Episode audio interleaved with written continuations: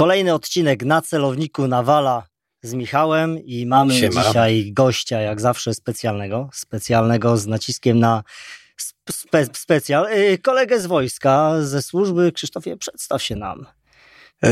No cóż, były żołnierz, e, pułkownik rezerwy, oficer kontrwywiadu, 16-letnim stażem, misja obecnie podróżnik, wykładowca, m, biznesmen, tak. Taki mały, przez małe B, może kiedyś większy. Oby. Oby. Yy, Trzymamy za to, żeby nie tylko oby, Krok- ale krok po kroku. by. Yy, Ja bym naszą rozmowę rozpoczął od, od samego końca, więc z tego, gdzie dzisiaj jesteś, bo, bo znamy się i też współpracujemy, jesteś yy, wykładowcą akademickim. Tak, no jestem, e, no, nawet więcej, projektorem do spraw e, studenckich w Akademii Nauk Stosowanych w Gnieźnie, ale moja przygoda z, e, zaczęła się od tego, że no, miałem szansę, dostałem szansę tworzenia kierunku analitycznego, o którym już myślałem wiele lat, zanim odszedłem z wojska, ponieważ na każdym kroku, i to zarówno w polskim wojsku, jak i za granicą, na misjach widziałem, że wszędzie brakuje e, analityków. Tak, oczywiście często wojsko bardzo szybko to załatwiało, typu idzie pan na kurs dwutygodniowy, będzie pan świetnym analitykiem, co oczywiście jest, jest tylko fikcją i gdzieś całkowicie przypadkowo dostałem taką szansę, więc jakby nie dla samej pracy na uczelni, ale e, tylko dlatego, że była szansa stworzyć coś absolutnie autorskiego, gdzie były bardzo fajne warunki, nikt nie przeszkadzał, wszyscy chcieli pomóc i stworzyliśmy kierunek analityczny i z tego co wiem, to jest chyba jedyny taki kierunek w Polsce, tak prowadzony. A ostatnio dowiedziałem się od kolegi, który, e, niemieckiego oficera, doktora, który jest też wykładowcą, znaczy wykładowcą, jest wykładowcą, ale jest analitykiem w NATO, tak, byłem oficerem, czy żołnierzem, y, który stwierdził, że nawet czegoś takiego nawet nie ma w Niemczech, że to jest po prostu absolutny, absolutny hit. To tak odnośnie Nowa jakość uczelni. ludzi, którzy mają bazę danych i analizują i potrafią. No właśnie, ale jak moglibyśmy, wiesz, e, e, powiedzieć troszkę więcej o tym, bo e, może się kojarzyć wielu ludziom hasło analityk z takim człowiekiem, który bada na przykład krew. To jest właśnie... Tak, więc Tu krew też jest, ale, ale powiedzmy, wiesz, więcej szczegółów. To jest, Michał, absolutnie tak. I to Czym jest, się to je? to jest przekleństwo tego kierunku, bo, bo jak się mówi maturzystom, że okej, fizjoterapia, pielęgniarstwo, informatyka, transport, każdy wie, co to jest, tak? Tak. I, I po czym ja mówię, że mamy fajny kierunek analityka bezpieczeństwa. No to po pierwsze, bezpieczeństwo kojarzy się od razu z wojskiem, co już nam troszeczkę jakby zakłóca e, naszą główną e, ideę. I trzeba im tłumaczyć. Ja osobiście jeżdżę po szkołach średnich, osobiście tłumaczę, czym ten kierunek się zajmuje i, i, i w tej chwili mam na przykład dorocznik, który jest- na pierwszym roku, za chwilę będzie na drugim. Się okazało, że na 14 studentów, 13 jest tylko dlatego, że ja byłem w tej szkole i wytłumaczyłem o co chodzi Mhm. i to stało się dla nich atrakcyjne. Po prostu to jest zupełnie inny marketing. Ten kierunek wymaga iluś tam lat, żeby to się rozkręciło, żeby byli pierwsi absolwenci, wtedy jak będzie łatwiej jakby pokazać, czym Ale- to się zajmuje. Ale idea jest taka, żeby... Powiedz właśnie więcej Ten- szczegółów. Czyli to jest kierunek, który ma, nie ma kanalizować młodego człowieka, tak? czyli skończył studia, idzie do wojska, bo tylko do tego się nadaje. To jest tak troszeczkę jak informatyk. Tak? My podnosimy kompetencje analityczne, czy budujemy i, i na bardzo wysokim poziomie, a gdzie oni będą pracować, czy w wojsku, czy w służbach, czy w turystyce, czy w polityce, czy w biznesie, to będzie jego decyzja. Bo tak przychodzą raz absolwenci i po turystyce, i po informatyce, i, i po humanistyce, po kierunkach humanistycznych, czy, czy po ścisłych, tak samo oni mają te kompetencje podnoszone, tak? I po studiach to od nich będzie zależało. No, nagle się okazało, że mieliśmy dwóch studentów, którzy niespecjalnie jakoś tak się odnajdywali, w sensie no, byli dobrzy, tak, Mhm. ale jakby no, nie jeszcze do końca czuli, gdzie chcą pracować w przyszłości, czyli w jakim tym środowisku analitycznym się odnajdą, do momentu, kiedy nie mieli zajęć na przykład z kryptowalut. I w tej Mhm. chwili są naprawdę świetnie się rozwijają e, w tym środowisku finansowym. Tak? Mamy Czyli potrafią wyciągać wnioski po absolutnie tak, danych, ale, ale też które... używać narzędzi. Tak? Rozumiem. E, Mamy też studentów, którzy już w tej chwili gdzieś tam będą szli w kierunku służb specjalnych, no bo nawet ABW gdzieś tam teraz dostało taką zgodę, że po uczelniach e, po raz pierwszy zaczęli jeździć po, tak, mówić kim są, co robią, że to już nie jest takie tajne, jak było kiedyś. I przyjechali też do nas z typową taką e, prezentacją, no ale po chwili rozmowy okazało się, że mamy towar, którego oni bardzo chętnie by chcieli Skorzystać. towar Utknąć. W cudzysłowie, tak, towar, w sensie absolwentów y, jakościowo naprawdę na bardzo wysokim poziomie, więc po chwili rozmowy już część osób gdzieś tam w tym kierunku, w tym kierunku idzie, więc znaczy, no, osią- powiem szczerze, osiągnęliśmy efekty, których się nie spodziewałem osiągnąć, y, tak, przynajmniej przy tym pierwszym roczniku, no bo to tak, Mhm. no, ta młodzież taka trochę przypadkowa była, tak, no bo tak, no, No tak. nawet oni nie wiedzieli po co przychodzą, na co przychodzą, no bo nie było jeszcze absolwentów, nie było y, nawet gdzieś tam jakichś praktyk, no bo to wszystko było tworzone od zera, tak, a no, ten drugi rocznik już jest jakby dedykowany tam praktycznie poza jedną osobą. Wszyscy wiedzieli, po co przychodzą, na co przychodzą i to był dla nich pierwszy wybór. Tak? Czyli to nie były tak osoby, które na przykład, nie wiem, wystartowały na Politechnikę Poznańską, ale na przykład się nie dostali i to był drugi wybór. Oni wiedzieli, po co przychodzą i wiedzieli, że będzie ciężka praca, bo tutaj jakby nie, nie manipulujemy, od razu mówimy, kogo szukamy i co ich czeka, tak?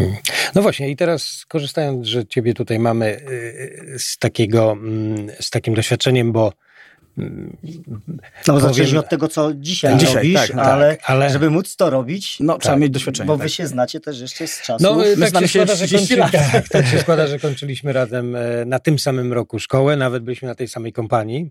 Tak. Oddzielne kierunki, a takie specjalizacje bym tak, powiedział, ale to już jest e, no, wtórne, natomiast tak. Chciałem ciebie zapytać właśnie, trochę nawiązując jeszcze, bo mamy te doświadczenia z tych naszych czasów, kiedy jako młodzi ludzie zaczynaliśmy studia, e, no później też ty cały czas jesteś w dydaktyce, albo mm, no, wróciłeś do niej, można albo powiedzieć, tak. Tak, albo tak, tak. albo kursy, tak, no właśnie, szkolenia. Tak. tak.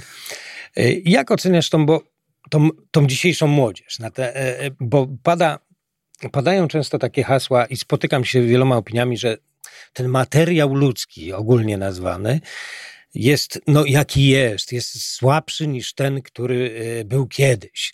E, często ludzie z naszego pokolenia, którzy odpowiadają za różne rzeczy, lubią, lubią stosować takie właśnie wytłumaczenie mm, e, swoich porażek albo niepowodzeń, czy, czy jakieś, że, że ten materiał przychodzący, ta w cudzysłowie młodzież jest jakaś gorsza, upośledzona. Ja się z tym nie zgadzam. Jakie jest twoje zdanie? Ja się absolutnie z tym nie zgadzam, tylko że żeby to zauważyć, to trzeba jakby, muszę się tu cofnąć. Mhm. To mówią to często osoby, które są jakby produktem naszego systemu, nie wiedziały innego systemu i kopiują rozwiązania, które jak oni byli młodzi, bardzo ich drażniły.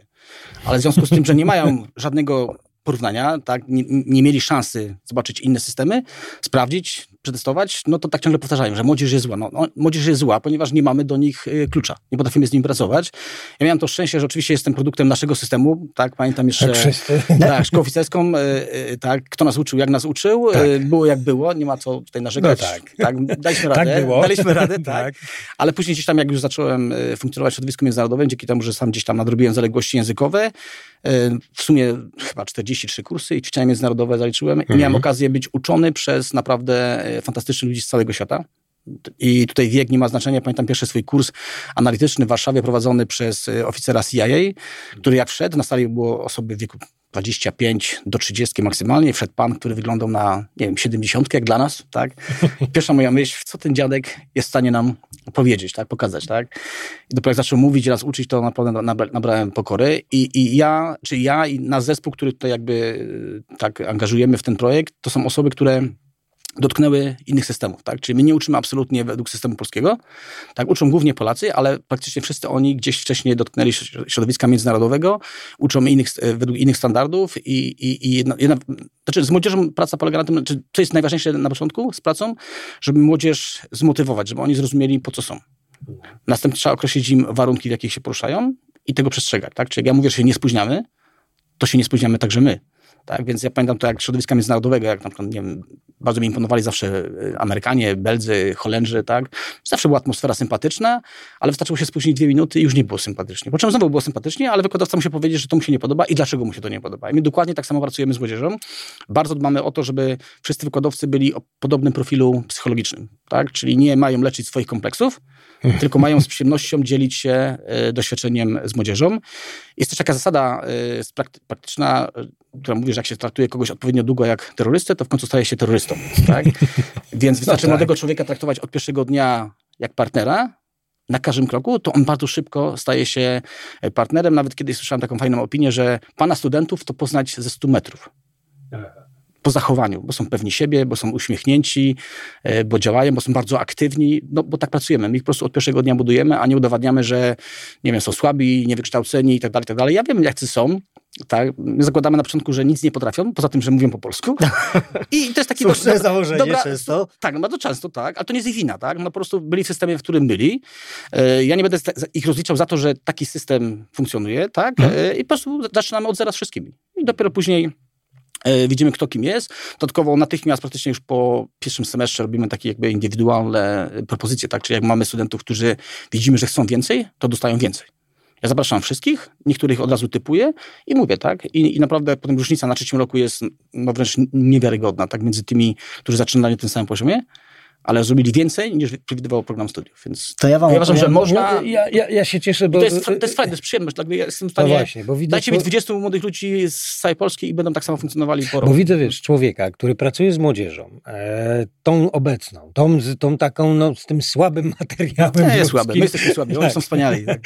I człowiek jest zadowolony z tego. Ale ja ci Michał, ale Michał, jeżeli mam chłopaka, który skończył szkołę średnią w Gnieźnie i po dwóch latach jedzie do swojej szkoły średniej i kształci, prowadzi szkolenia, na przykład bo trzymam firmę, tak? Jakby Mhm. Angażuje go prywatnie, prowadzi zajęcia, z, on się samobój z młodzieży, tak? To jest duży problem. Mhm. I facet dostaje brawa.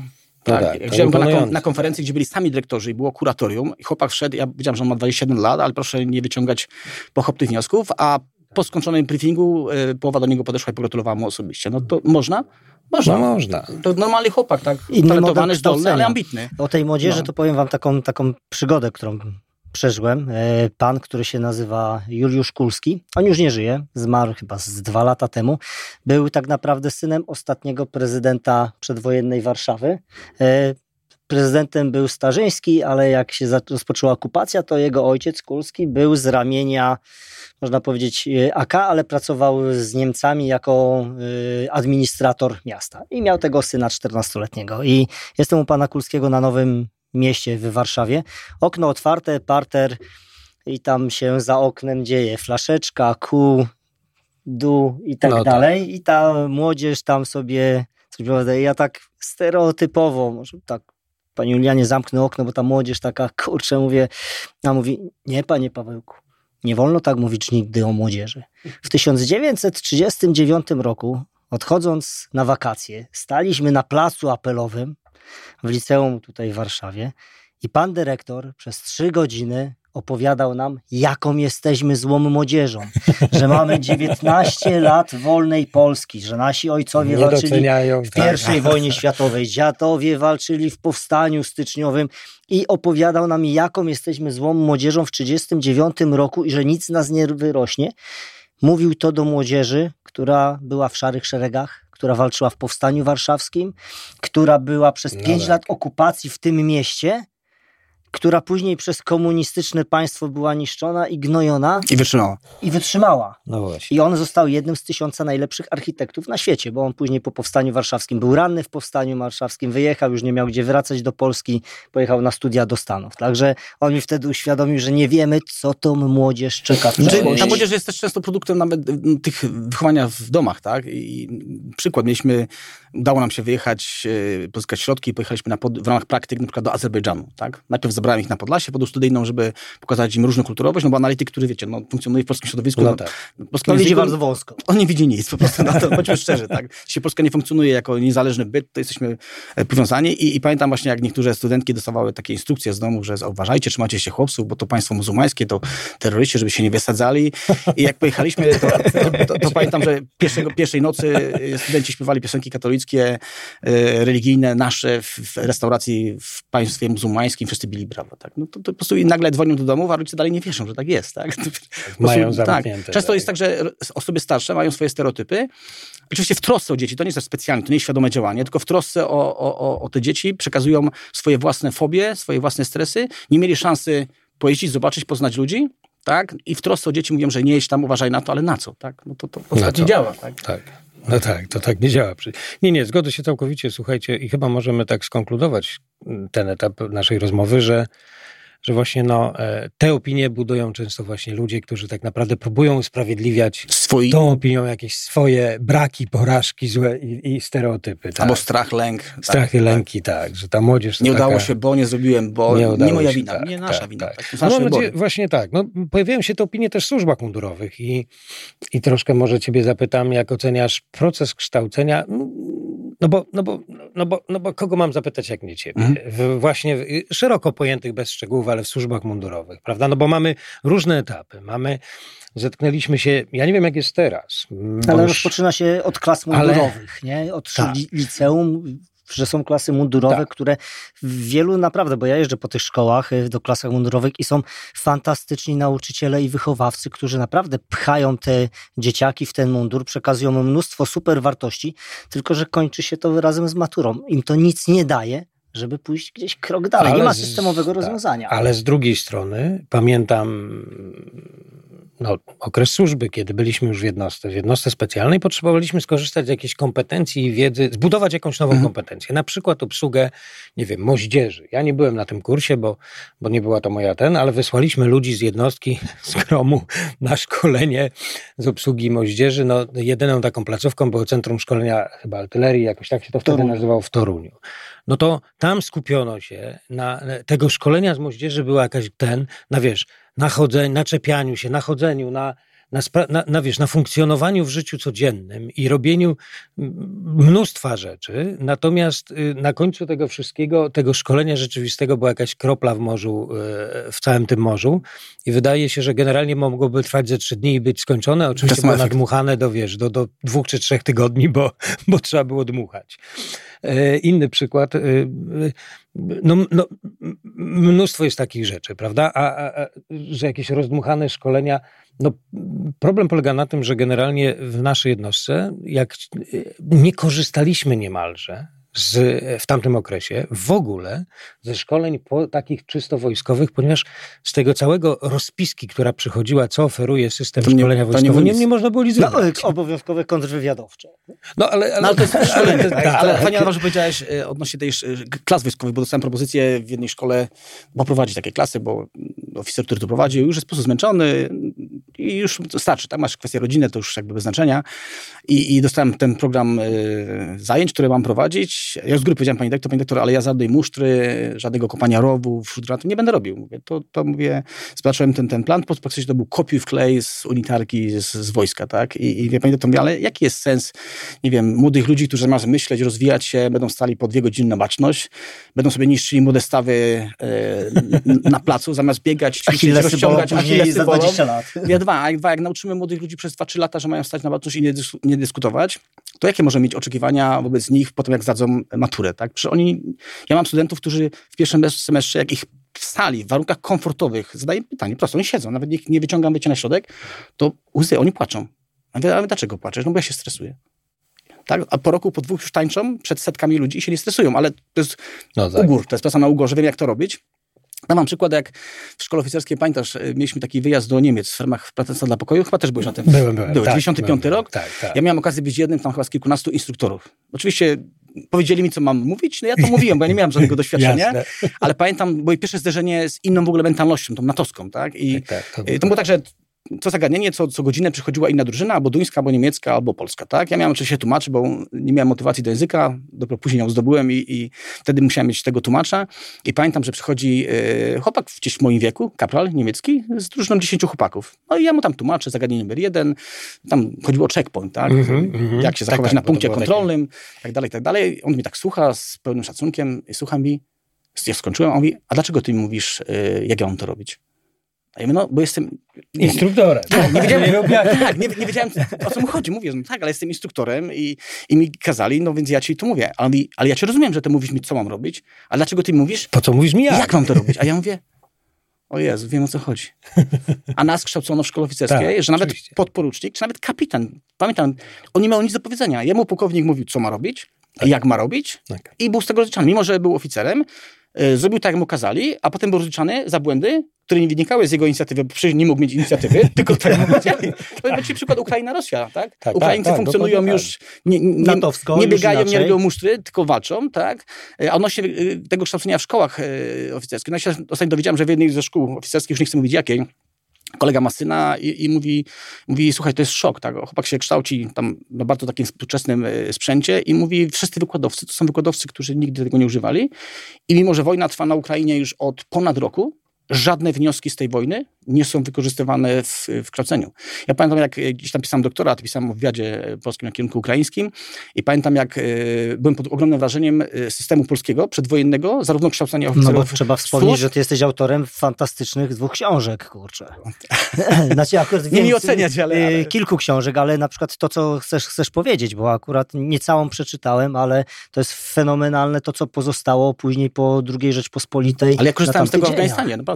Nie chcę mówić co, ale wprowadzałem pewne rzeczy przedwojenne, e, wprowadzałem, zacznę od systemu kształcenia. Na, e, w Akademii, oni, oni byli kształceni na kursach rocznych, dwuletnich, e, na przykład na AONie, to, tam, to wtedy nazywa się Wyższa Szkoła Wojenna, a przedwojenna, tak? Nazwa. I wykładowcą stałym był tylko jeden oficer. który organizował to wszystko, wiecie, organizacyjnie, ale kadra, to była kadra, która przyjeżdżała tylko i wyłącznie Z terenu. z terenu i tylko przyjeżdżała na jeden, dwa kursy maksymalnie, bo oceniono, że ich doświadczenie po dwóch, trzech latach już jest lekko nieświeże. Druga rzecz, jak y, oficerowie pracowali w służbach, to pracowali generalnie tylko do pięciu lat.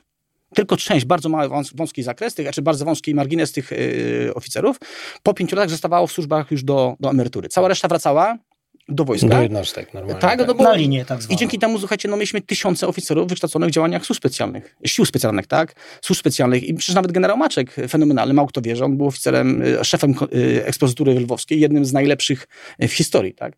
I dzięki temu, słuchajcie, mamy tysiące ludzi, a, a potem po wojnie No tak, był system no tak. sowiecki, tak. Czyli służby osobno, wojsko osobno, brak zrozumienia, brak współpracy i potem takie, wiecie, wzajemne obwinianie, niechęć, Dlatego ta Armia Krajowa była tak silna, bo miała... bo miała wyszkolonych ludzi. Z tego właśnie systemu. Bardzo mądry, praktyczny system oparty o praktyków, dobrych szkoleniowców, a nie, że ktoś jest, wiecie, no jak ktoś jest w szkole oficerskiej wykładowczą przez 20 lat, No tak. to z całym szacunkiem tak wykładowca na akademicki, który uczy kierunek praktyczny, a przez 20 Tak, lat on tworzy, tylko pisał artykuły, ale nigdy w życiu tego nie robił. On tworzy swoją strefę komfortu Tak, i tak. Ja, ja, ja sam, ja też jestem takiego zdania, że nawet właśnie po doświadczeniach, mm, nawet w jednostce, e, i to troszkę opiszę też, właśnie nawiążę do tego, co mówisz, bo na każdym niemalże stanowisku, na którym już masz jakiś wpływ na, na organizację, na przykład w jednostce dowódca zespołu bojowego, po jakimś czasie, jakim byś nie był innowatorem i komandosem, to tworzysz swoją strefę komfortu. Bo jest ci dobrze. Tak, bo jest ci dobrze. I, i okej, możesz mieć ją taką, no, możesz dalej być profesjonalny,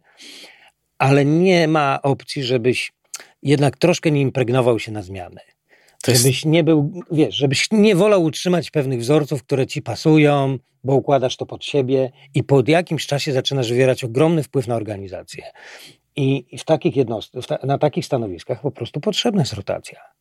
Nie wiem ile, to, to kwestia ile czasu to jest to wtórne. system natowski do trzech lat, on jest dosyć Tak, fajny. mniej więcej optymalny, tak, wiesz, no. do trzech, no może dwie, dwie kadencje faktycznie i potrzebna jest rotacja, bo później to już po prostu Ale nie, rotacja nie musisz koniecznie awansować, bo to jest nie to, awansowanie to wiesz, to ale różnie, tutaj- wy, ale w poziomie. po prostu dla organizacji wyjście ze strefy komfortu jest istotne, z tego komfortu tego przełożonego, tak? czyli zmiana tego przełożonego, e, wprowadzenie człowieka oczywiście kompetentnego, bo to nie chodzi o to, żeby zmienić Nie, na tak, siłę. na siłę, tak, tak. musi, być, musi być kompetencja. No ale właśnie, no i, a i przekładając to na, na, na, na edukację, no to chyba to Ale to jest to samo, tak? Mamy ten, na przykład ten kierunek analityczny. Znaczy, mamy to szczęście, bo to jest kierunek, który na przykład 80% zajęć jest praktycznych. Czyli nie musimy Jasne. dbać o tą, wiecie, teorię dla teorii, Tak. tylko uczymy... Znaczy, ja nie, nie ukrywam, zawzoruję się na wojsku bardzo mocno, tak? No bo pamiętasz, no, tak kończyliśmy szkołę, nie wiem, w No, piątek, a w poniedziałek szliśmy do pracy. Nikt nas nie pytał, no tak. czy my jesteśmy przygotowani. I my dokładnie mamy takie samo podejście. Mhm. Uczymy ich tego, co jest najważniejsze, po to, żeby następnego dnia po ukończeniu szkoły byli, Byli e, przygotowani. Tak, byli przygotowani do pracy. Tak? Ja miałem to szczęście, że Mhm. kiedyś tak zrobiłem taką kalkulację i doszedłem do wniosku, że ja nigdy w życiu nie pracowałem na jednym stanowisku więcej jak 2,5 roku. Czyli to, co ty mówisz. Ja ciągle z tej strefy komfortu wychodziłem, a pamiętam, jak zaczynałem swoją karierę jeszcze w służbach, jak starsi oficerowie, którzy gdzieś tam 11 lat, 12 lat byli na jednym stanowisku. Ja już tam, nie wiem, 4-5 lat miałem niezłe wyniki i tak dalej, i tak dalej. I oni mówią, że dlaczego, nie wiem, ja dostałem nagrodę, czy jakieś tam wyróżnienie, a przecież oni są bardziej doświadczeni. Ja ale jak wy panowie liczycie doświadczenie? Ilością lat siedzący, sied- siedzenia na jednym stanowisku, czy ilością różnych doświadczeń zebranych w jednym człowieku, które pozwalają Jubileuszowe się należało. no tak, Tak, tak. tak, bo, no takie bo żeby, traktowanie- znaczy, no, że- żeby jakąś koncepcję opracować, jakiś algorytm wypracować, to trzeba mieć jakąś wiedzę i doświadczenia. Bo tylko na bazie tego możesz wymyślić coś nowego. Jak nie masz podstaw, no to, to o czym chcesz rozmawiać? Czyli traktowanie tego czyichś pomysłów, nie? No. tej swojej pracy jako takiego, takie wiesz, że nagroda należy się za to, że e, po prostu wykonujesz swoje obowiązki. Tak, za brak Za to ci normalnie. Tak. To znaczy normalnie płacą. tak. Ale naprawdę, to ja, ja pamiętam swoje początki, to ja byłem w szoku na początku. Oczywiście całkowicie zaangażowany byłem w pracę, nie wiedziałem, co się dzieje dookoła, nic mnie nie interesowało, tylko przełożony, praca i, i koniec, tak? I nagle dostaję jakieś tam nagrody, medale, I mówię, ale myślałem, że wszyscy tak mają, tak? No, życie mi sprostowało, że nie wszyscy i, i to był jakby początek moich problemów, tak?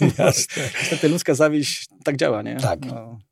Mówimy o szkołach, ale szkoła kończy się pójściem do pracy. To, co powiedzieliście, że w piątek kończysz y, szkołę, w poniedziałek zaczynasz y, robotę. Twoja robota, nie chcę powiedzieć, że była spektakularna, bo nie było jej widać, ale też masz spore doświadczenie właśnie z tych robót, ale zapytam nie o Polskę, tylko o wyjazdy zagraniczne, no bo to jest y, kawał ciekawej, kurczę, rzeczy, którą zrobiłeś. No, miałem to szczęście. Mówię szczęście, bo zawsze te, tego chciałem, tak? Być chyba pięć tur w sumie 28 miesięcy w krajach objętych wojną, głównie Afganistan, trzy tury i, i jedna duża tura, 11 miesięcy w Mali. Zawsze gdzieś Afryka mi chodziła po głowie i na sam koniec kariery e, mi się to udało. Zawsze się bałem, jak jeszcze tak kształciłem się, że jak ktoś mnie kiedyś zapyta, kim byłeś żołnierzem, ma ile lat, tyle i tyle, E, a czy byłeś na wojnie? No to ja powiem nie. No to tak trochę, wiecie, no ja się z tego nie wytłumaczę, więc jak już e, była szansa pojechać e, pierwszy raz, to jak się mocno tupałem nogami, żeby, żeby wyjechać, nie miałem żadnych obaw. Oczywiście musiałem sobie gdzieś tam tą pracę mentalną To jest, to tak, jest, ryzyka. to jest głowa. Tak, ryzyko. Chcesz jechać na wojnę, ale my cię akurat rozumiemy. Nie, nie, słuchajcie, no nie da się bać każdego dnia przez 180 dni, więc nie ma takiej opcji. Więc No. jak ktoś się, jak ktoś się, z czego się biorą często problemy psychiczne żołnierzy, no bo nie wiedzą po co jadą, nie dokonają swojej analizy i nie przygotowują się na pewne ryzyko. Czyli jakby nie godzą się z tym, co mogą utracić. Ale jeszcze wiesz, jeszcze jedna rzecz jest, że kraj, czyli system nie do końca ich dobrze przygotowuje. Ja patrzę, jak się ktoś pyta, jak myśmy sobie radzili. No myśmy wyjeżdżali świadomi, w grupie No, świadomych was, osób. u was był inny poziom w ogóle, tak? ze, ze, No. ze sprzętem i z, czułeś się, że jesteś Bogu nocy równy tam, kurczę, no, że jedziesz, Ja żeby robić y, robotę, a nie żeby się, kurczę, jechać i obawiać. No, to nastąpiła jednak jakaś tam zmiana na przestrzeni tych misji, prawda? I faktycznie to nasze wojsko, które już mówiliśmy kiedyś, że po prostu było, jest ewolucją, tak naprawdę podlega ewolucyjnym zmianom z armii PRL-u. No Absolutnie. i tak naprawdę ta ewolucja jeszcze cały czas trwa. Tutaj nie mamy, czasem przyspiesza, czasem zwalnia, czasem ociera się o rewolucję, czasem zwalnia do jakichś takich żółwich tak, kroków. tak, tak, tak, tak.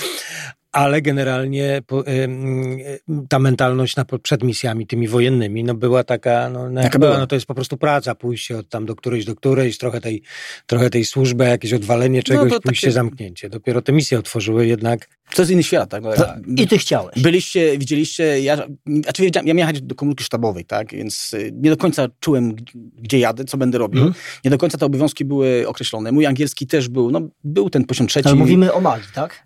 Nie, nie, nie, Afganistan, pierwszy, Pierwszy, pierwszy, pierwszy, pierwszy. Pierwszy Afganistan dla mnie był kluczowy, dlatego że pierwszy Afganistan pozwolił mi zrealizować pierwszy duży projekt. Który to był rok? Całkowi- 2007? To byliśmy w tym samym czasie. Tak, tylko że ty byłeś tam gdzieś, gdzieś w Gazni, a ja byłem w byli byliśmy w Kandaharze. Kandaharze. Tak, a, ja- a ja byłem w Kandaharze, byłem, to podam ci tą historię. Tak, tak, tak, opowiadaj. Z systemem O, opowiedz. biometrycznym i ten, a, opowiem za chwileczkę, ale e, dlaczego to była moja kluczowa misja? Bo ona pokazała, że polski oficer daje radę, tak, że nie musi mieć tych kompleksów, które gdzieś tam, nie to, że mnie Ja wpajał, cię tylko tutaj czego- skontrował, nie polski oficer, tylko ty. Tak, dokładnie. Bo nie każdy na twoim miejscu by dał radę. No tym bardziej, że to podjąłem się zadania budowania wewnętrznego systemu bezpieczeństwa w głównym dowództwie ISAF, ISAF-u, który nie funkcjonował, było tam mnóstwo mankamentów, wprowadzano różnych szpiegów. To było też świeżo po tym aferze szpiegowskiej, gdzie tłumacz y, generała Ricardsa, dowódca ISAF-u był szpiegiem na rzecz Iranu, więc tam baza była bardzo nieszczelna. Ja to gdzieś tam zidentyfikowałem, pamiętam jak wprowadziłem pierwsze zmiany, Tłumacz dowódcy był, tak, był tak, szpiegiem na dokładnie, Iranu. Mhm. Y, I słuchajcie, było tak, że ja y, zrobiłem diagnozę, ustaliliśmy z wszystkimi dookoła, co musimy zmienić, y, y, ustaliliśmy termin, kiedy wprowadzamy nowe standardy i, i wszystkimi skoordynowałem to z Amerykanami, z Anglikami i tak dalej, tak dalej. Tylko zapomniałem, bo nie wiedziałem, że jest coś takiego jak camp, k- k- no, camp commander, czyli dowódca bazy. I pamiętam, że jak prowadziliśmy to tam, nie pamiętam jaki to był dzień, ale to po jakichś dwóch miesiącach tego przygotowań się okazało, że na- iluś tam kucharzy nie przyszło do, do jednostki, bo nie miało na przykład przepustki, bo to, bo tamto, bo ja... I wszyscy mówili, że tak jest, bo y, kapitan Chris tak y, kazał, tak? I pamiętam, dzwoni do mnie, dzwoni, zabawna historia, słuchajcie, teraz zabawna, ale wtedy dla mnie to była taka delikatna trauma. bo kapitan Ale słuchajcie, tak, tak to było. I, I dzwoni do mnie amerykański pułkownik, camp commander i, i on mi krzyczy na mnie. To nie rozmawia po prostu. Ja musiałem telefon trzymać tej odległości. Taki był. Większość rozumiałem, bo po tonacji widziałem, że nie jest zadowolony. Ja mu tłumaczę, ale ja niczego nie zmieniłem. Ja tylko trzymuję standardy zgodnie z stopami, tym i tym. Ja y, panu to wszystko wytłumaczę. Niech pan mi tylko da szansę, tak? On mówi, to nie chodzi o mnie, bo tu jest cały duży zespół. No to mówię, dobrze, no to wyznaczył mi termin, więc wziąłem swojego amerykańskiego przełożonego, sympatycznego majora. Mówię, chodź, Johnny, pójdziemy, bo, bo mnie to rozjadą jako, wiesz, no, nowe NATO, a ty troszeczkę mi dasz tego wsparcia y, psychicznego. I pamiętam, jak wchodzę do tej sali, stół taki okrągły, chyba siedziało tam kilkunastu, kilkunastu oficerów. Żadne nowe NATO, tylko, wiecie, Anglicy, Holendrzy, Belgowie. I tak Mhm. pamiętam na te twarze takie, takie, nie wiem, czy to pogarda, ale taka, wiecie, co ten młody kapitan w polskiej mundurze, co on nam może powiedzieć, To czego my, namieszał. tak, czego, czego my nie wiemy, tak? Więc ja miałem tak przygotowaną prezentację, że rzuciłem kilka zdjęć tego, co zostałem. Dokumenty niewprowadzone, tak, jakie problemy, co z tego wynika i co chcę wprowadzić. I pamiętam, że ten sam pułkownik, który mnie tak strasznie tam, wiecie, tak, jechał po mnie przez ten telefon, powiedział tylko jedno zdanie na końcu, tak? Mówi, masz zielone światło na wszystko. Mhm. I od tej pory już nikt nie dyskutował. I żaden I generał sukces. nie mógł tego przeskoczyć, co ja postanowiłem jako młody kapitan z jednym polskim e, sierżantem z Bydgoszczy, Robertem, zrobiliśmy naprawdę rewolucję i to mi dało takiego naprawdę kopa życiowego, już potem na całe życie, na, ca na całą karierę, Energię. energię i, i wiarę w siebie, tak? Znaczy ja nie, nie miałem jakichś tam kompleksów, tak, żeby to było jasne, ale, ale wiecie, funkcjonować w środowisku polskim, No tak. a pojechać naprawdę na górną półkę, bo to dowództwo główne całej, całej misji, y, to, to jest coś, tak? Potem pojechałem już jako szef y, kontrwywiadu, a potem już byłem zastępcą komórki, gdzie byłem jedynym nieamerykaninem, więc już naprawdę bardzo wysoki poziom. Za każdym razem to była inna praca, zawsze były jakieś stresy, bo to się tak nie da, wiecie, wejść No, w nowe środowisko, tak, a, No, o ty to Mali, sam, tak? myśmy, myśmy byli... Ja byłem sam, to mi nikt nie e, pomagał. Myśmy byli w grupie, myśmy byli razem. No my tak, my e, wyjeżdżaliśmy, to jest pewna taka... Nie, to ta, ta przygoda w Kandaharze dosyć, dosyć, dosyć O, to, fajna. to, to powiem, tak? Chcesz? No, E, tak. Dostaliśmy, znaczy, je- jeden To pokazuje, że przecinaliśmy się gdzieś, nie wiedząc I, i, o sobie. I duża pomoc, tak? I, i pamiętam też, e, do- dostaliśmy, znaczy jeden z takich projektów, który się wpisywał w, to, w ten duży projekt, było to, że wprowadzałem system biometryczny w Afganistanie, tak? E, Amerykanie mieli wiadomo swój, ale ISAF jako ta komórka natowska, no, dostaliśmy No myśmy Amerykanów później sprzęt. pracowali już na tym. Dokładnie. I ja miałem przyjemność rozwijać Czyli pobieranie danych takich tak, biometrycznych, biometrycznych, skan siatkówki, odciski palców. ewidencja. Tak. Tak, ja to prowadzałem w HQ, ale dostałem też prośbę od mojego szefa, żeby pojechać do Kandaharu i zawieźć 18 egzemplarzy do, do, tam do, do dowództwa RC South, tak? Myślę, że wytłumaczymy tylko króciutko, dosłownie Tak. mała dygresja, że to jest y, jeden z tych elementów, które powoduje, dlaczego, m, który jest taki mniej doceniany, ale jest bardzo ważny, bo cała praca bojowa, opanowanie, pozys- nie wiem, zatrzymanie jakiegoś człowieka, sprawdzenie nie miałoby sensu, gdyby na przykład nie było takiego dowody. systemu. Tak, Tak, nie absolutnie byliśmy tak. w stanie nic, nic ani udowodnić, ani nic potwierdzić, ani nie mieć żadnych informacji. Tym bardziej, że oni zmieniają nazwiska i tak dalej, i tak Dokładnie. dalej, Ale a, a to dane, było to, które... że oni też jeszcze Ale- nie byli świadomi tego narzędzia, które posiadamy. Tak. No tak, a właśnie, a, a, a problem polega na tym, że struktura międzynarodowa i to trzeba wszystko no po prostu wprowadzić. Prowadzić, tak. Tak. E, To- właśnie to- moje styk właśnie ze Zgromem polegał na tym, że e, samolot nam się, znaczy zamiast lecieć z Kabulu do Kandaharu, przed jakiś, nas, dosłownie 3 minuty przed startem wszedł jakiś pułkownik e, brytyjski, VIP i stwierdził, że nie, najpierw polecimy do Mazar Sharif. No czyli tak jakby, wiecie, z Poznania do Krakowa lecieć przez No Szczecin. tak, tak, to bo le- to na północ I się okazało, że Mazar Sharif się na samolot zepsuł, więc ileś godzin to trwało, zanim go naprawili i zamiast o 15, gdzie miałem dograne odbiór, przecież baza w Kandaharze największa 70 tysięcy ludzi, tak? To jest to miasto, tak? miasto. Miała tam na mnie czekać Brytyjka, y, wszystko na godzinę dogadane, tym bardziej, że mieliśmy różne systemy łączności, więc ja nawet nie miałem do niej możliwości zadzwonienia, ale wylądowaliśmy o 23.30. Tak? Pamiętam te komary w Kandaharze trzy razy większe jak niż te, co w Kabulu. Upał niewiarygodny i ta kubka, wiecie, tego sprzętu wartości kilkadziesiąt tysięcy dolarów i ja, Robert, i mówię, okej, i co teraz, tak? Ale jak to Polak ma szczęście, okazało się, że kierowca autobusu, który rozwoził y, po bazie tych, tam, wiecie, tych pasażerów, y, no to był Polak polski kontraktor, tak? No to ja mówię, jaka sytuacja, no niech nam pan jakoś pomoże. On mówi, dobrze, to ja was zawiozę do swoich chłopaków. Ja nawet nie wiedziałem, że tam w ogóle, wiecie, yy, grom funkcjonuje, tak?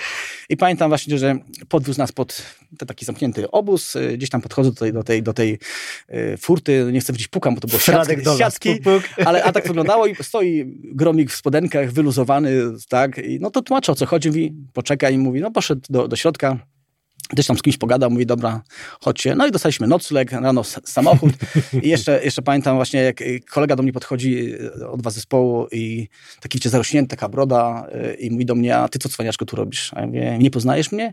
A ja mówię, kurczę, mówię, no nie, nie? A nie pamiętasz, kogo na zmychu lewą nogą znokautowałeś? No i wtedy powiedziałem imię, od razu wiedziałem, kogo. No więc bardzo, bardzo fajna, fajna przygoda, nie? Więc się fajnie skończyło, ale, ale my ta, okej, mówię, oczywiście bez stresu, no ale jakoś to będzie. No dobrze, nie, tak, ale no, to człowiek tak musiał... no, ale pomoc była absolutnie wszystko, samochód postawiony, zawieziony, rewelacja, nie? Czyli to działa, nie? No. Nie, no tak. To, to, to tak. No No i- Afganistan i, później Mali. Mali. Mali. No, Mali to była taka moja największa przygoda, yy, bo myślałem, znaczy pracowałem później jeszcze przez 3 lata w Strasburgu w Eurokorpusie, przez 3 Mhm. lata i to była moja taka duża nadzieja na, na Afrykę. Mówię, okej, korpus, wiadomo, zdominowany przez Francuzów, bo to miało związek z powstaniem tej, wiecie, wyjazdowej bazy, czy bazy do, y, y, Unii Europejskiej Parlamentu, Mhm. tak? Więc powstał ten Eurokorpus i mówię, jak tam będę 3 lata, to pewnie gdzieś uda się pojechać do Afryki. Oczywiście wysłano nas, ale do Afganistanu trzeci raz się nie udało. Też na A. A, też na A, ale słuchajcie, y, wróciłem do, do, do kraju i okazało, że była dynamiczna, państwo islamskie bardzo szybko zajęło mm, północne Mali y, do 2012 roku. To miało związek z upadkiem Gaddafiego, gdzie ta broń z Tuaregami wróciła do Mali, więc to było czwarte powstanie, które im się udało, y, mhm. ale szybko ich islamiści zdominowali, więc odsunęli tych typowych Tuaregów, takich, którzy chcieli własne państwo czy autonomię i po prostu Przejęli, tak. Tak, robili Al-Kaida po prostu, tak, opanowała to i po pół roku praktycznie dokonali kolejnej ofensywy i chcieli zająć już całe Mali, na co Francuzi nie mogli sobie pozwolić, bo tam było i mnóstwo biznesów i ponad 3000 czy 30 tysięcy Francuzów, którzy tam e, mieszkali. No i potem oczywiście Francuzi jakby odpoczęli tą, tą, tą obronę tego południa Mali, potem szybka misja Unii Europejskiej bo się okazało, że ta, ta, armia malijska troszeczkę się posypała, tak? I, i powstał taki projekt, że mamy wyszkolić na początku 4, potem chyba 8 batalionów, każdy 700 osób i szybka misja, szybkie kompletowanie i, i, i dostałem propozycję, żeby pojechać tam nawet na 11, nawet na 18 miesięcy, więc od razu mówię jak Afryka. No, oczywiście kalkulacja też, matematyka, procenty, wiecie jak to działa. Tak, tak, tak, Lepiej tak, mieć tak. niż nie mieć e, i pojechałem no, do, do, do, Mali i, i, naprawdę to też dla mnie był... Czy podobno do Afryki albo się pokocha, albo się znienawidzi. Ja od razu pokochałem i tutaj, tak, do tej pory kocham czasami jeżdżę, podróżuję, ale, ale też fajne doświadczenie, bo, bo, bo też udało się stworzyć system bezpieczeństwa wewnętrznego, bo to się okazało, że mieliśmy te bataliony, 700 chłopa, tak? Oni, to była zbieranina ludzi z ponad 30 różnych jeszcze nacji, łącznie z żołnierzami Kaddafiego, którzy już mieli doświadczenia swoje dosyć takie dosyć zbrodnicze. E, różne jeszcze tam były zamachy wojskowe, więc jedna i druga strona też miała żołnierzy w ramach tego jednego batalionu. Nie było y, środków finansowych, oni byli głodni, chorowali, malaria i tak dalej, i tak dalej.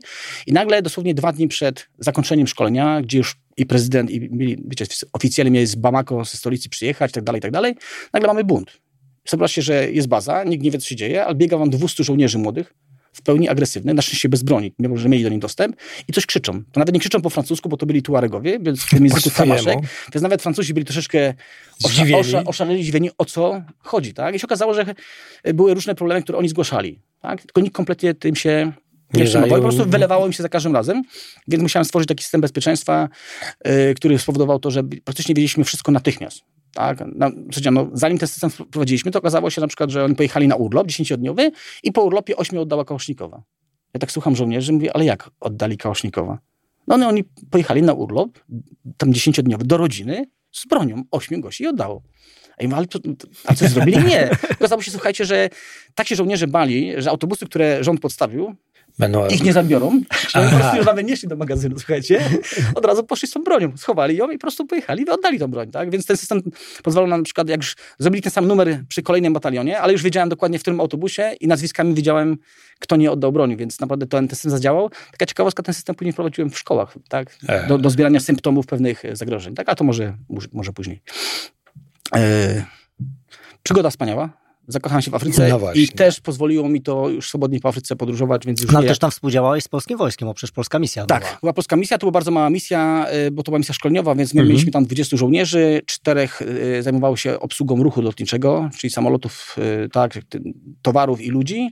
Mieliśmy czterech saperów, a reszta to zajmowała się logistyką i plus ja jako y, szef kontrwywiadu w tym, tej całej bazie szkoleniowej, tak, y, pracowałem wtedy akurat w parze z Francuzem, też świetna przygoda, świetne doświadczenia, no i to też jakby zainspirowało mnie do podróży, których teraz... Tak, no bo armia francuska jest taką, mm, mało o niej się mówi, mało w Polsce no właśnie, a ma, ale mało ludzi zdaje sobie sprawę, że jest to taka jedna z nielicznych nawet armii natowskich, która jest w pełni autonomiczna. Prawda? Absolutnie tak. Nasi ciągle używają tych argumentów z roku 1939, no tak. żeby pokazać, że oni są słabi, tchórze, beznadziejni, ale żadna armia w Europie nie jest w stanie wysłać w perspektywie 48 godzin e, sił, które zatrzymają państwo islamskie, co zrobili Francuzi i w ciągu 30 dni wysłali 3000 ludzi z Europy do Afryki i tak powiedziałeś Michał, utrzymywali ich, karmili, poili, wszystko zrobili praktycznie sami. Pełni autonomiczne, tak. tak, tak. To, tak. to chyba tylko jeszcze, znaczy może nie chyba tylko, no różnie to bywa, w tej chwili, tej chwili te zdolności rosną, ale jednak armia brytyjska, armia francuska to jest taki top.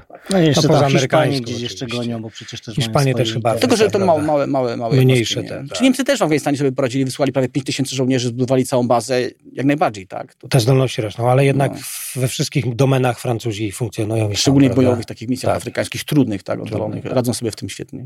z kim.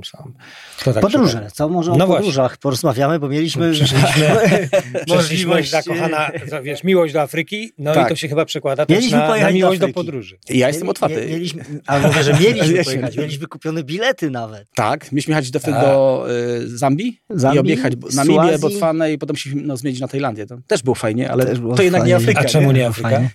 Co, co się Akurat stało? w tym czasie ten nowy szczep koronawirus A, zamknęli nam w Mozambiku, tak? Dwa tygodnie po kupnie biletów zamknęli nam kilka krajów i musieliśmy z, z Nabalem przebukować bilety w ramach tej samej linii i oni nam zaproponowali po prostu Tajlandia i tak dalej. I Ale to jakby Afryka cały czas jest na rozkładzie. Na rozkładzie, no. tylko że Tajlandia, do których strasznie nie chciałam jechać, bo to Tajlandia, Tajlandia, Wszyscy Tajlandia, byli, ale tak. jednak okazało się, jest że jest to kraj, kraj Wróciłeś chyba niedawno. No tak, bo połączyłem z Laosem i z Kambodżą, tak zrobiłem. Ale rozumiem, że to nie są takie wyjazdy po hotelach i kurortach, tylko... Znaczy, no, da się to pogodzić. Ale powiem tak, Michał, wiesz co, mhm. spanie jest ważne, bo ja uważam, że jak, wiesz, mhm. możesz cały dzień się tam, tam stargać, spocić, zmęczyć, ale jak masz dobre łóżko i się rano wykąpiesz, otworzysz tą gotowość, wiesz, jak to działa, no tak. to funkcjonujesz. A jeżeli tego nie zrobisz, to dwa, trzy dni, a dwa, wiesz, jechać na, na, na, na do Afryki i nie wiem, skończyć z malarią, czy z jakąś, wiesz, to, to, nie no, to żadna przygoda. Przygoda jest wtedy fajna, kiedy jest adrenalina, ale kończy się fajnie. Znaczy, chodzili, fajna przygoda, chodziliśmy, no. chciałbym powiedzieć, po dziadowskich ulicach, ale to, co zobaczyliśmy w, w, Bangkoku, jak weszliśmy, bo zażyczyliśmy sobie, że nie chcemy zobaczyć Bangkoku takiego, wiesz, typowo turystycznego, tylko wejść w dzielnicę tych y, ludzi, którzy ciężko pracują, którzy żyją. Kurczę, i w Warszawie nie jest tak czysto, jak w Bangkoku w dzielnicy, która rozbiera samochody. Tak. Pamiętasz tę dzielnicę taką? To po prostu wrażenie niesamowite robiło, bo wszystkie silniczki porozbierane, poukładane. E, ja się tam dobrze czułem między innymi. Absolutnie, ale nadal mówię o, o czystości. Afryka się kojarzy zawsze z czym? Z biedą, i z takim brudem, tak się no kojarzy. Tak. No tak, Znaczy, tak bałaganem. Rwanda, powiedziałeś Michał, że byłeś w tak, ja widziałeś na własne oczy. Rwanda tak. w kraj, gdzie wchodząc do sklepu nie kupisz e, reklamówki. Powiem więcej, Rwanda to kraj, który nam się kojarzy z ludobójstwem. No bo, które było, tak było. Które tak. było, natomiast... 35 lat temu. Właśnie to chodzi. Polska 35 lat temu tak. też wyglądała I inaczej. stereotypowe myślenie tak. to jest przed 35 lat. Ja w grudniu byłem... Z... I, sądzimy, że tam tak jest jak, jak 35 lat temu. Jakbyśmy, jak, jak te obrazki My się rozwijamy tego... i to jest okej, okay, ale oni nie. Tak, to, to, tak nie działa. Tak, tak, tak, tak stereotypowo myślenie, tak. Wziąłem w grudniu dwóch studentów nawet na, na, na wyjazd do, do, do Rwandy. Ja jako kierowca zrobiłem w sumie z nimi półtora tysiąca kilometrów. Mhm. Słuchajcie, absolutnie rewelacja. Wszędzie bezpiecznie. To jest kraj o najniższej przestępczości w całej Afryce, o najniższej korupcji w całej Afryce. Ja mam koleżankę, która jest wykładowczynią na SGH w Warszawie. Ona też jest, no, rozpisuje różne projekty. I ona startuje w różnych przetargach e, w Rwandzie z perspektywy Warszawy i wygrywa.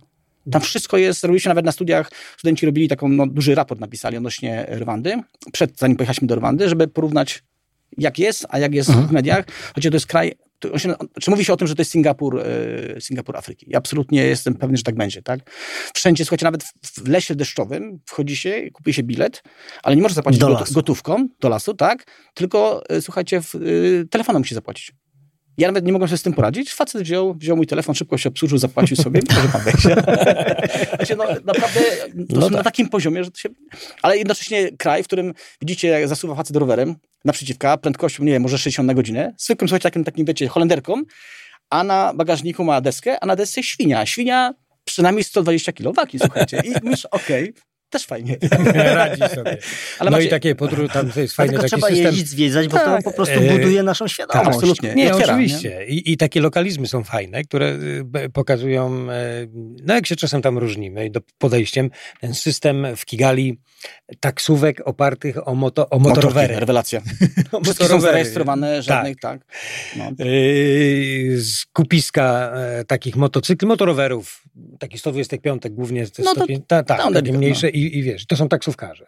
Mają kask i po prostu człowiek przychodzi. Kask jest zarejestrowany, z tyłu ma swój numer. Na tak. w Tajlandii jak zbliżamy tak, tak, i wiesz, tak, i cię wiezie. Tak. Tylko, że w Tajlandii mogliśmy bez kasku, tak. a w Rwandzie już tego nie, nie, nie ma w ogóle takiego Każdy musi mieć kask. Tam jest przepis wszystko jak zegarka, tak, to jest zupełnie inny kraj. Bardzo fajny kraj, polecamy zresztą tak. No, Trzeba też powiedzieć, że Afryka, każdy kraj jest inny. Tak. I duża, duża różnica. Ja miałem okazję być w, w, Etiopii, to nawet w ramach jednego kraju to jest inaczej, bo w Etiopii macie chyba 110 czy 120 nacji różnych. -hmm. Jadąc przez Etiopię, słuchajcie, to macie y, faktycznie co dwie godziny inne domy, inną nację, nawet troszeczkę się różnią karnacją skóry, tak? Taka ciekawostka, słuchajcie, y, pierwszy, jedyny taki system, który znam na świecie, w Etiopii, jak się wjeżdża na autostradę, to się płaci nie od kilometra, płaci się za czas pobytu na autostradzie. Aha. Wiecie dlaczego? Bo to automatycznie eliminuje tych wszystkich takie, wiecie, samochody, które są zepsute, koło odpadnie. No bo jak facet swoje 8 godzin na autostradzie, to zapłaci majątek. Tak. Więc wjeżdżają tylko te, które są, wiecie, sprawne i facet szybko, wie, szybko przejedzie autostradą. I ruchu po, Podpowiedz to naszym, ale tam... To wie. Ale to, to, to działa, nie? Ale odnośnie no tak. właśnie jeszcze tego nabierania pokory i jakby uczenia się od innych. Ja miałem okazję być w Wietnamie i byłem y, przewodniczką z Czarnych Mongów, dosłownie w Sapa, 100 km od, od Chin i no, miałem wejść na 15 minut do, do, do danego domu, bo chciałem zobaczyć, jak oni żyją, wiecie, w tym domu. No, utknąłem na 3 godziny, o, przygoda na, na dłuższą opowieść, słuchajcie, ale po wiecie, dwóch dniach chodzenia po tych domach, co się okazało, że oni są w stanie wyprodukować sobie żywność, wyprodukować materiał i barwniki i są kompletnie bezobsługowi. Czyli im wyłączając internet, prąd, ci ludzie przeżyją. Ubiorą się, uszyją sobie. I nie obniżą sobie się. standardu, bo przeżyć, przeżyć, ale standard tak, życia się tak, no tak, też, tak. Czyli ich umiejętność, czy tam jak się nazywa, przetrwalność, umiejętność przetrwania jest w ogóle do naszej nieporównywalna. U nas wyłączą internet, prąd no tak, to jest i, już, już ten, kończy się e, komfort życia. No, tak? No, a tam... Zdolność rozwiązywania problemów, tak, tak, a umiejętność rozwiązywania problemów też wysoka, no bo jednak e, no, muszą sobie radzić po prostu, funkcjonować i, i, osiągać normalne, wiesz, efekty. Tylko tam wiesz, Michał, tam ktoś może ocenić, no, widzi, że oni chodzą na boss w domu, tak? No. Że dom tak. ma dziury w ścianach. No dobrze, okej, okay, no ale ja czy kryterium oceny człowieka i cywilizacji jest, nie wiem, nie. dziury w ścianach, czy umiejętność radzenia sobie z problemami, tak? No bo to chyba... Oczywiście są czynniki no. kulturowe, które decydują o, o, o, jakimś tam postrzeganiu może rzeczywistości, ale, ale naprawdę y, inne umiejętności mózgu są wysoko rozwinięte. Ale absolutnie, absolutnie. Y, tak, ta nasza e, umiejętność przetrwania, ale czy nie uważasz, że ona się e, rozpoczyna gdzieś na etapie szkolnym?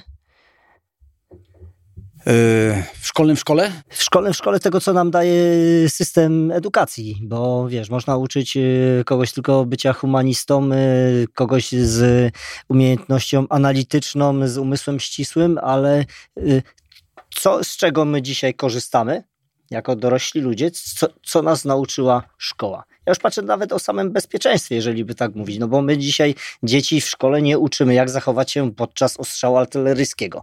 Dlaczego? W ogóle, w ogóle ich nie uczymy, bo typowa polska szkoła, słuchajcie, bo tak miałem tak mi się życie fajnie pokładało, że swoje doświadczenia zawodowe mam szansę teraz jakby y, sprawdzać i wprowadzać w szkołach, czego w życiu nigdy bym się nie spodziewał.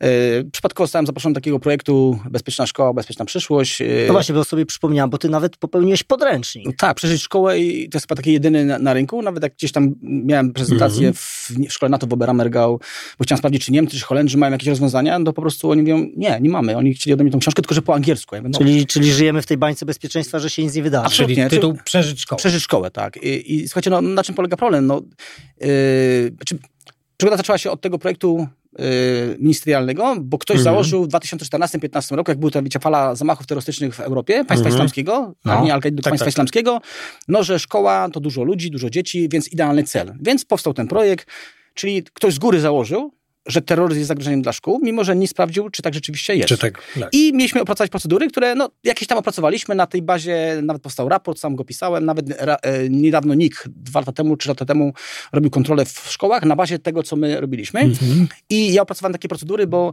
no, no Zawsze nas bolało, jeszcze mnie bolało osobiście, jak, bo wtedy szkoliliśmy w trzech, szkoliliśmy nauczycieli, jak wychodziliśmy ze szkoły, to mówimy dyrektorom i nauczycielom, a teraz, proszę Państwa, przeszkolcie dzieci. I szybko, wiecie, wychodziliśmy, zamykaliśmy drzwi, żeby nie było jakie pytanie. Ale jak to zrobić, jak ja mam tysiąc dzieciaków w szkole? No, nie wiedziałem, słuchajcie, jak Bogacha nie wiedziałem, ale mówię, ale... ale mówię, Dlatego lepiej było wyjść. Ale, tak, ale, ale wiesz Michał, no, y, mój charakter, no, wiedziałem, że jest problem, wiedziałem, że nauczyciele, mm. y, wiedziałem, że, znaczy już poznałem ten problem, tak, że mm. nie wiedzą, jak to robić, nie ma żadnych procedur. Zacząłem myśleć i wymyśliłem procedury. Na początku w kilku szkoliliśmy szkołę, ale mówię, przy dużych szkołach, gdzie jest 50 oddziałów szkolnych, to jest absolutnie niemożliwe. I zacząłem szkolić sam.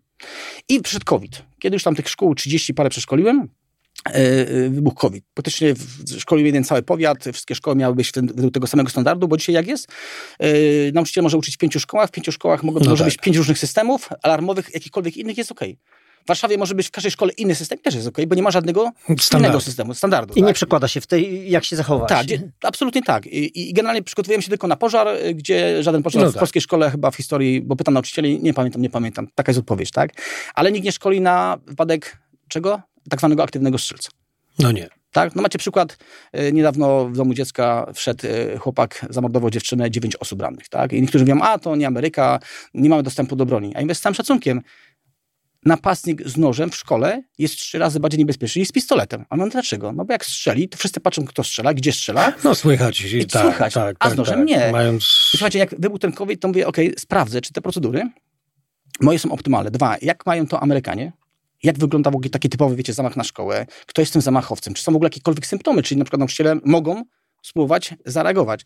I co się słuchajcie okazało? Yy, napisałem książkę, tam dziewięć zamachów opisałem z pięciu różnych krajów i każdy kolejny, który analizuje yy, nowe, tak samo przebiegają. się okazuje, że w prawie w 100% wiecie, kto jest napastnikiem w szkole? Był uczeń. Albo obecny.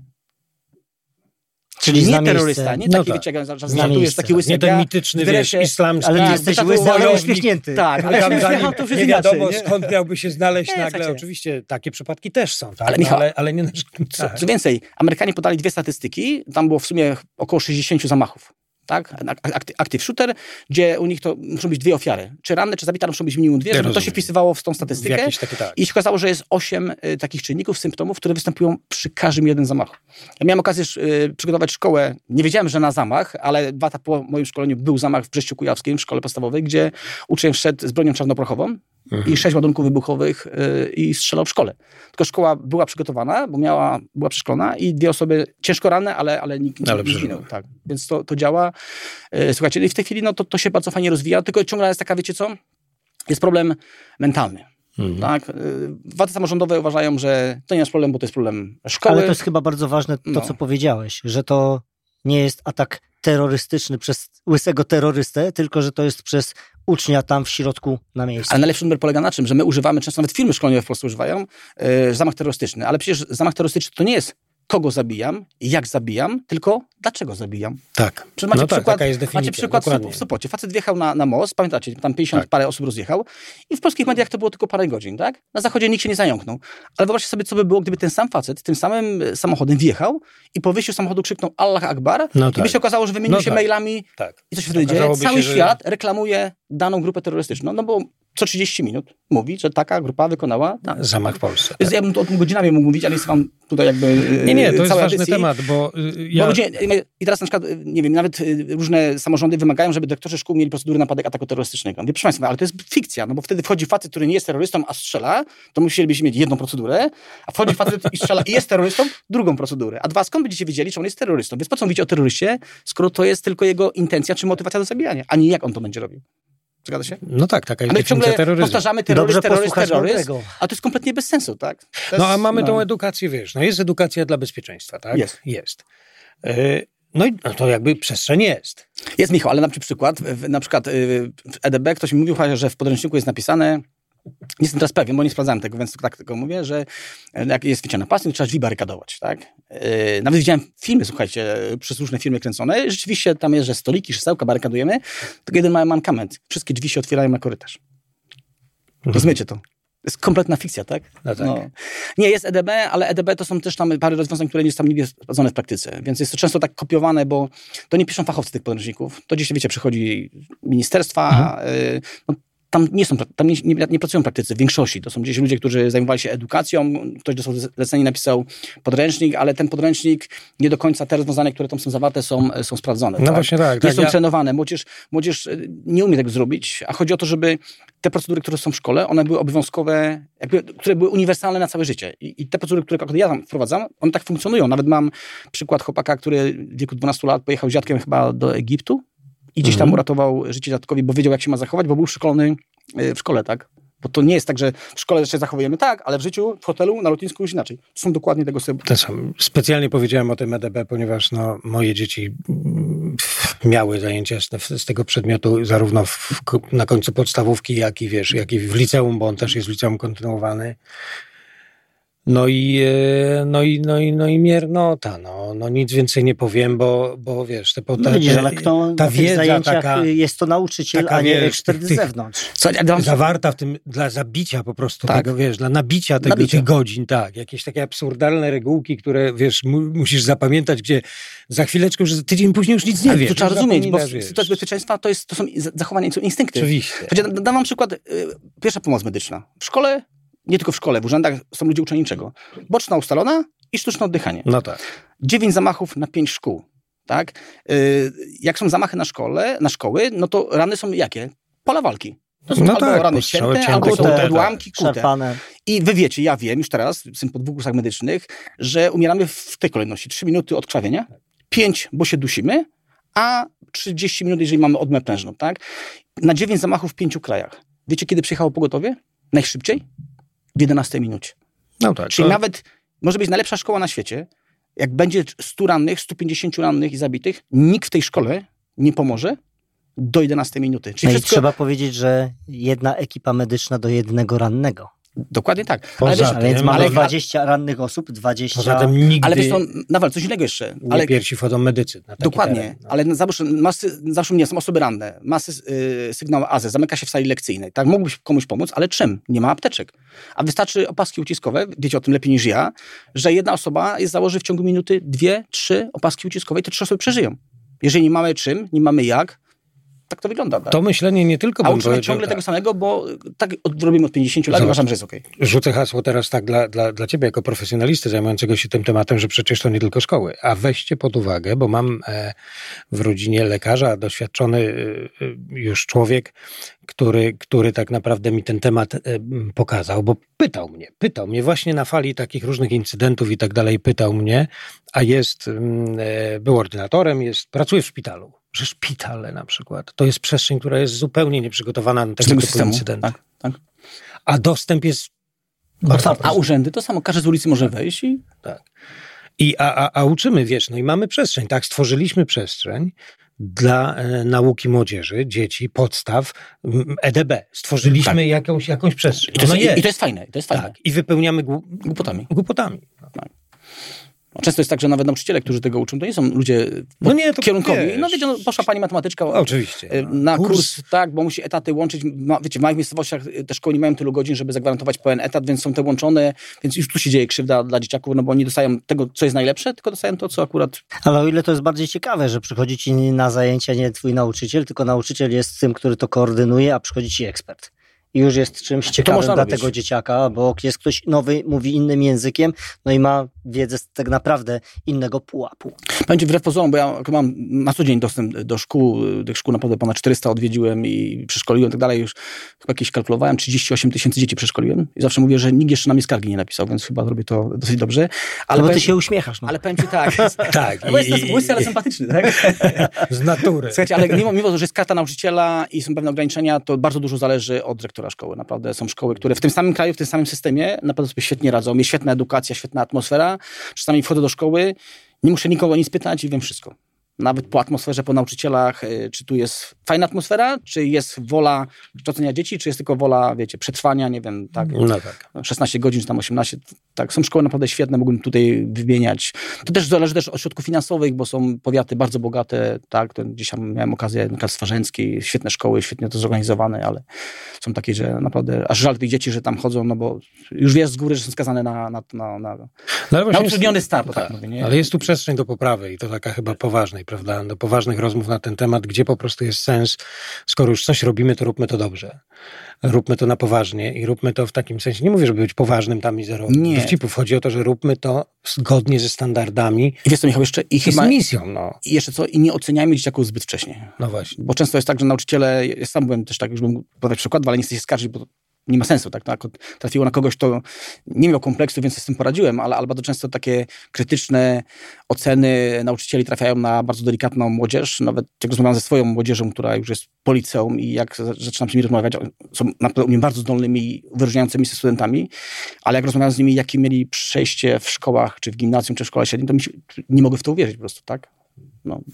No właśnie, bo mówiłeś też o ciekawym projekcie, który nie, nie wiem, e, myślę, że to jest bardzo ciekawe, o, o, o takiej pracy nad taką e, różną młodzieżą, nad, nad, nad obciąż, czasem z obciążeniami, czasem z, e, ale, ale właśnie wyciąganie ciekawych wniosków. Z Zainspirował mnie film y, księgowy, Aha. gdzie, gdzie akcja się toczy wokół chłopaka, który y, był dzieckiem, czy jest dzieckiem autystycznym, pochodził z wojskowej rodziny, więc ojciec w dosyć brutalny sposób, ale skuteczny go do tego życia musiał jakoś tam przygotować.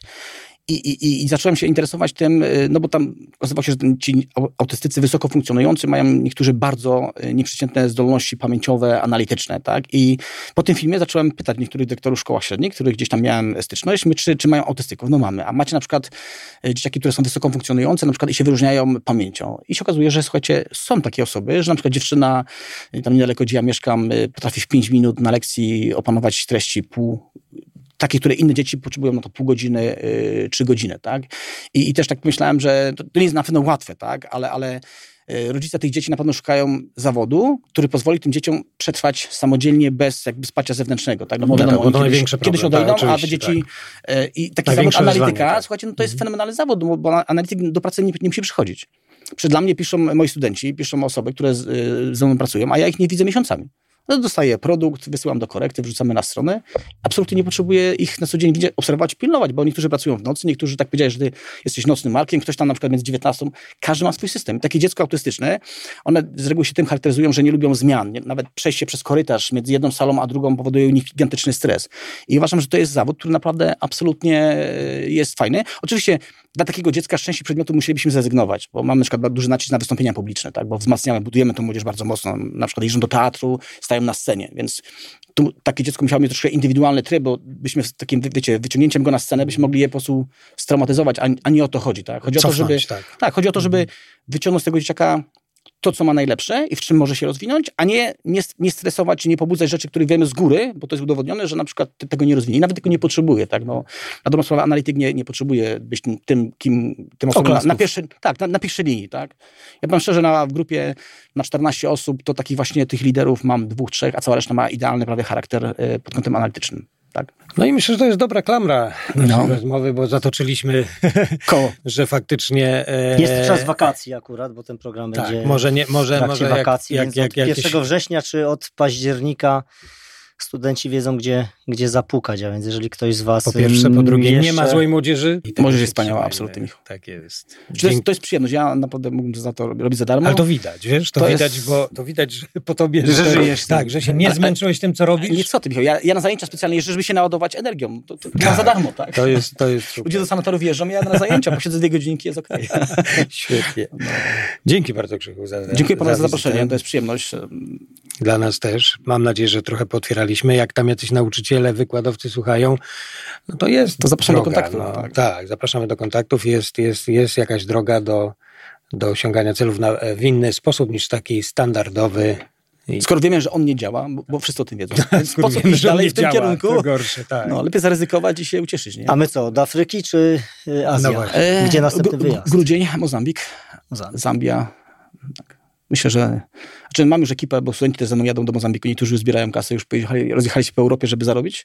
Zabieram ich do Mozambiku, potem ich odsyłam na studia, a ja dalej. Także jak chcesz, Lawan, to zapraszam. E, buduje się nawalownia, daj mi rok i będziemy razem. Będzie Mozambik. Będzie, będzie Mozambik. E, tyle w kolejnym tak, odcinku tak, na celowniku Nawala z Michałem. Dzięki bardzo. E, lajkujcie, subskrybujcie i Krzysztofa na pewno znajdziecie gdzieś w internecie. Jest, już się nie ukrywa, jest nasz, można korzystać z jego wiedzy. Security Powiedz jeszcze raz ten dokładny e, nazwę uczelni, kierunek, żeby wszyscy e, To będą dwa adresy, tak? Dobra. Akademia Nauk Stosowanych w Gnieźnie, kierunek analityczny, a jeżeli kogoś interesują te kwestie związane z szkołami, z bezpieczeństwem, to firma Security in Practice, naprawdę moja firma powoli, aczkolwiek skutecznie się rozwijamy. Zapraszamy. Dziękuję za uwagę. Dzięki bardzo. Cześć.